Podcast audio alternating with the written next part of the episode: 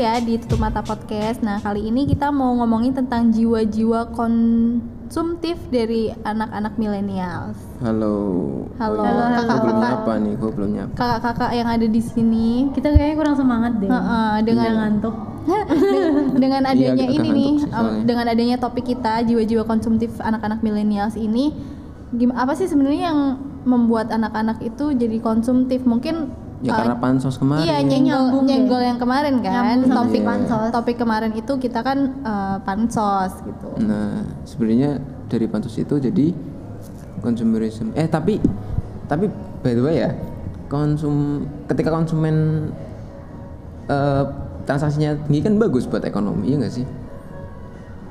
Hmm, Iya kan? iya sih mungkin Ya kan memang memang semakin gitu. transaksi tinggi- Semakin semakin orang spending itu harusnya ekonomi semakin berputarnya semakin cepat sih. Iya, tapi kalau spending doang ya nggak Gitu. bisa sih spending doang tapi nggak ada Iya, nggak ada peng- pemasukan yang Iya, nah, nah kebanyakan itu yang mulai ke sini karena banyak mungkin karena kita apa yang ngomong ini banyak di dunia teknologi dan digital juga ya. Mhm. Jadi tuh karena di era digital ini kan jadi banyak banget kan fintech lah, terus Iya. Ya, fin- aplikasi pemi- pinjaman-pinjaman itu karena Mhm. itu sebenarnya memfasilitasi pansos sih, bener gak sih? iya. Bu, ngomong dong, Bu. Lebih, jadi lebih gampang untuk mendapatkan duit jajan tambahan. Iya. Yang itu sebenarnya kadang-kadang juga fana kalau misalkan kita itu cuma dipinjemin doang. Eh tapi emang ya aplikasi di Indonesia sekarang yang maksudnya startup-startup di fintech itu kebanyakan yang muncul itu malah justru yang landing, iya nggak P- sih? P2P gitu kan. Iya ataupun ya bener-bener pinjaman ataupun Iya, iya, iya. bahkan kayak perusahaan perbankan itu sekarang lebih memfasilitasi orang untuk pinjam ya nggak sih? Iya, iya daripada karena daripada investa, eh, investasi nggak? Kalau Kan- sekarang gini startup investasi di Indonesia berapa coba? Dikit banget kan? Sat- dia bisa dihitung jari tapi kalau startup ya atau Iya, perusahaan ya, ya mungkin perusahaan kayak ada startup. reksadana Iya. gitu gitulah Iya ada reksadana terus ada ka- kalau sekuritas dan iya iya Ya, itu kan banyak kan. Atau- asuransi asuransi juga menyediakan itu kan Iya. Tapi itu nggak bisa di nggak di Nggak pure- nggak purely investasi sih. Eh, mungkin kayak apa tuh namanya yang untuk agriculture kan juga sekarang udah mulai ada tuh yang investasi-investasi Iya, kayak- aku tuh- tambak atau Iya, tanaman iya, ada. Ada. Ya, itu gitu. Tapi ya lending. mungkin ya masih kalah jauh daripada aplikasi yang peer to peer. Mhm, iya yang sih. pinjaman sih mungkin tapi juga pinjaman juga bisa dibedakan sih apakah dia pinjamannya tuh pinjaman untuk eh, model kah untuk ah, ah, untuk menaikkan menaikkan modal untuk pansos atau menaikkan modal untuk jualan Enggak soalnya gini. karena ada Modal dua pansos, ya ya. modal aku lihat ya. modal. Sekarang itu semua e-commerce itu pembayarannya bebas. Nah di situ ada opsi tuh. Ya, pilihannya sekarang banyak iya, banget banyak ya. banget kayak misal dulunya Banyak kan cuma perbankan ya kan kayak pakai ATM ataupun pakai Indomaret. kartu kartu kartu- atau beli iya, atau Indomaret. dibayar di Indomaret Ya, nah sekarang itu banyak yang oh pay letter dulu deh.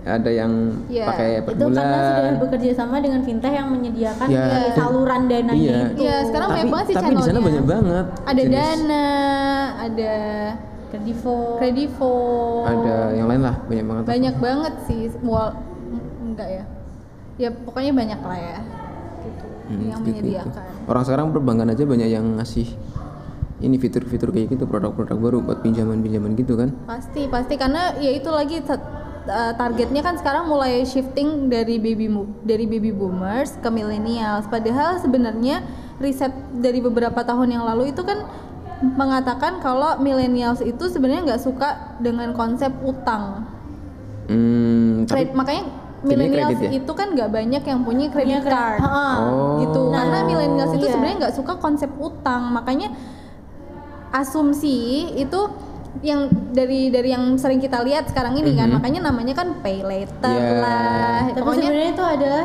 sama aja salah dengan satu, kredit. iya, Ya, sama salah satu aja kemasan yang baru gitu kayak yang Oh. kemarin tuh salah satu apa produk bank yang dia mengeluarkan oh ya kita kasih bisa kasih cash di depan iya. sebanyak 50 juta terserah deh nanti bisa ditukar Hmm. apakah untuk beli barang ataukah untuk Ambil diambil cash. untuk Diambil, diambil iya, kayak cash gitu. tapi sebenarnya itu konsepnya kalau ditarik lagi sebenarnya juga sama dipinjem kan Iya, dipinjemin gitu dipinjemin. Ada ada bunganya juga di sana. kredit.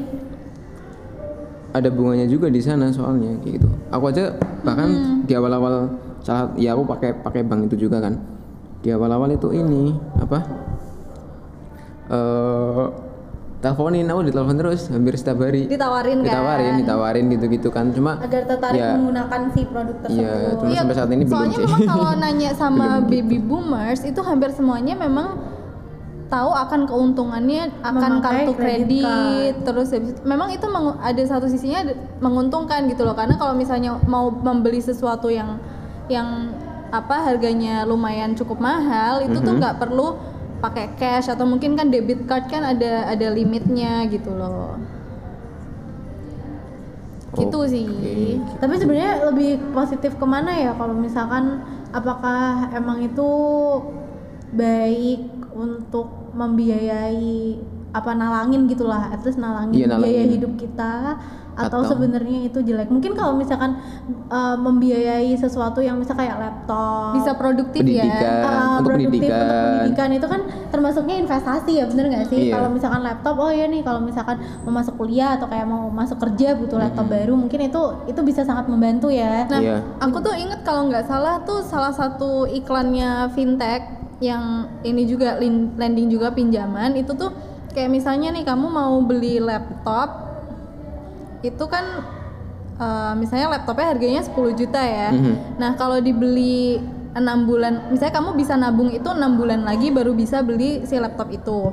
Tapi si aplikasi ini mengatakan bahwa ya udah mendingan laptopnya itu dibeli sekarang aja. Kita bantuin kamu untuk nanti Bayarin nih, bayarin. dulu. Nanti kan juga di pada enam bulan itu kan kamu juga apa kebayar juga gitu loh. Jadi kayak sama aja ka- kalau nabung itu kamu dapat laptopnya setelah enam bulan. Mhm, Tapi tapi kalau pakai ini, aplikasi gitu kan. ini itu kamu dapat laptopnya sekarang tapi sama aja juga kamu kayak nabung juga ujungnya tuh enam bulan juga selesai nyicilnya gitu loh jadi konsepnya tuh sama mereka tuh dibalik gitu loh Eh, tapi sama aja kan sebenarnya Iya sebenarnya sama Iya, kredit, sama aja tetap kredit. kredit. Kredit. Cuma ini akan berdampak positif kalau misalkan itu tadi kita memanfaatkannya untuk barang-barang yang kita bisa gunain untuk produktif Secara produktif, Ah, Iya. secara produktif dan emang barang-barang yang kita udah butuh banget nih. Tapi kalau Iya. misalkan kayak sesuatu yang perilaku konsumtif kayak misal HP-nya harus yang flagship Iya. gitu kan gonta-ganti gonta-ganti wah Iya, itu setiap setiap tahun ada HP Iya. baru Buat pansos-pansosan. gitu kan lemari sampai udah nggak cukup gitu kan untuk Iya. menampung baju-baju dari sister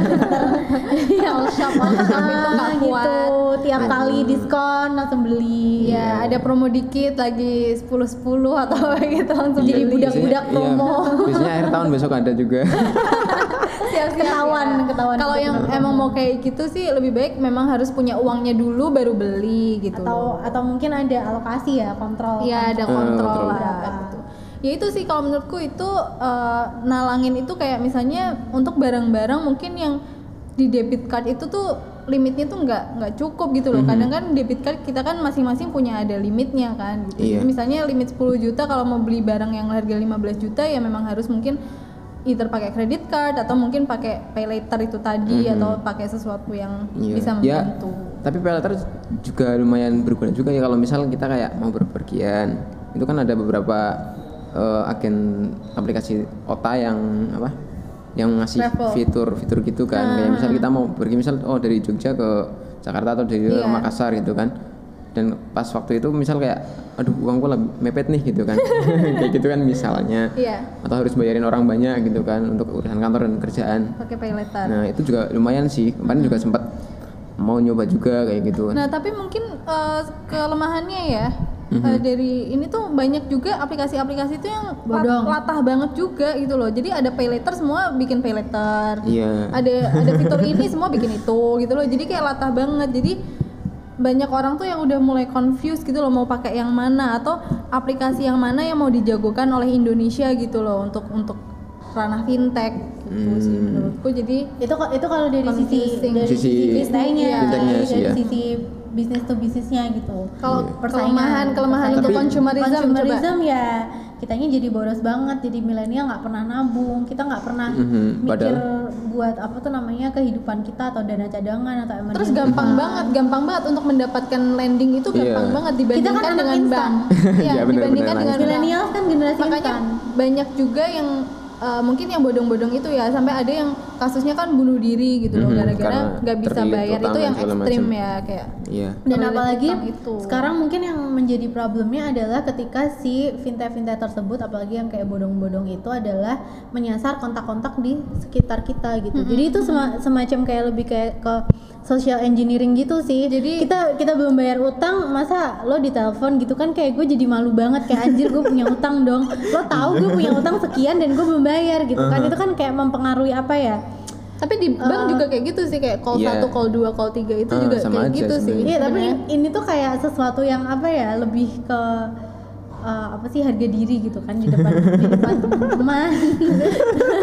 itu Sebenarnya juga. kalau menurutku malah pansos justru tapi diteleponin. enggak enggak enggak kalau menurutku akses kontak itu sebenarnya juga menguntungkan untuk si fintechnya itu karena dia juga pasti mau nawarin ke kontaknya yang Iya pinjam duit ini juga itu iya. kan juga keuntungan buat dia nggak sih Iya juga Tapi sih, itu sih ada ada boundary ketika di mana dia menjatuhkan nama ini di di apa tuh Mhm, namanya di di, lingkungan iya. sosial Iya. gitu. Lingkungan itu kan sosial akan gitu kan. akan affecting apa tuh namanya nama kita juga. Mungkin kalau misalkan Eh, karir tapi- karir kita bagus tapi Hmm. terus dinilai gara-gara itu minus Iya sih kayak gitu. Tapi juga pernah juga sih kayak temanku ada yang punya utang lumayan gede terus akhirnya gue juga kena.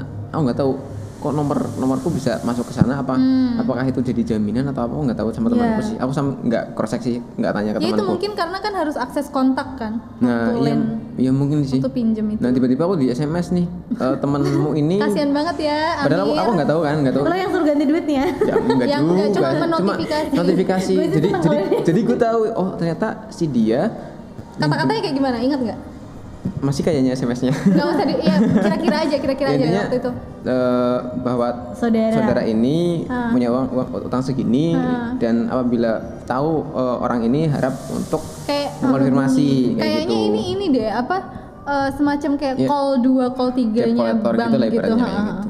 Ya kayak gitu sih. Oke deh, oke guys, be aware ya kalau misalnya kalian memang ini putuskan dengan baik-baik juga Iya. ya, Di- wisely, cu- apa Ah, choose wisely lah. ah, mil- ya satu di budget sendiri untuk Eh, diri sendiri bisa meskipun ada melatih. pay letter dan Iya. ada promo-promo tetap Mhm. tetap harus kontrol diri nih sebulan Iya. nih kita mampunya Iya. foya-foya tuh seberapa Terus juga ingat juga untuk mulai berinvestasi kayaknya itu Iya. penting buat Terus- walaupun generasi milenial Fintechnya katanya. juga jeli jeli Iya. lihat fintech sama terms and conditionnya Iya, sih yang fintech ini kayak gimana paling nggak minimal tuh yang udah terdaftar di OJK, OJK. kayak gitu. Oke deh, sampai ketemu di podcast Sampai kita ketemu. selanjutnya ya. Ya, Thank you udah bye-bye. dengerin. Bye. Bye.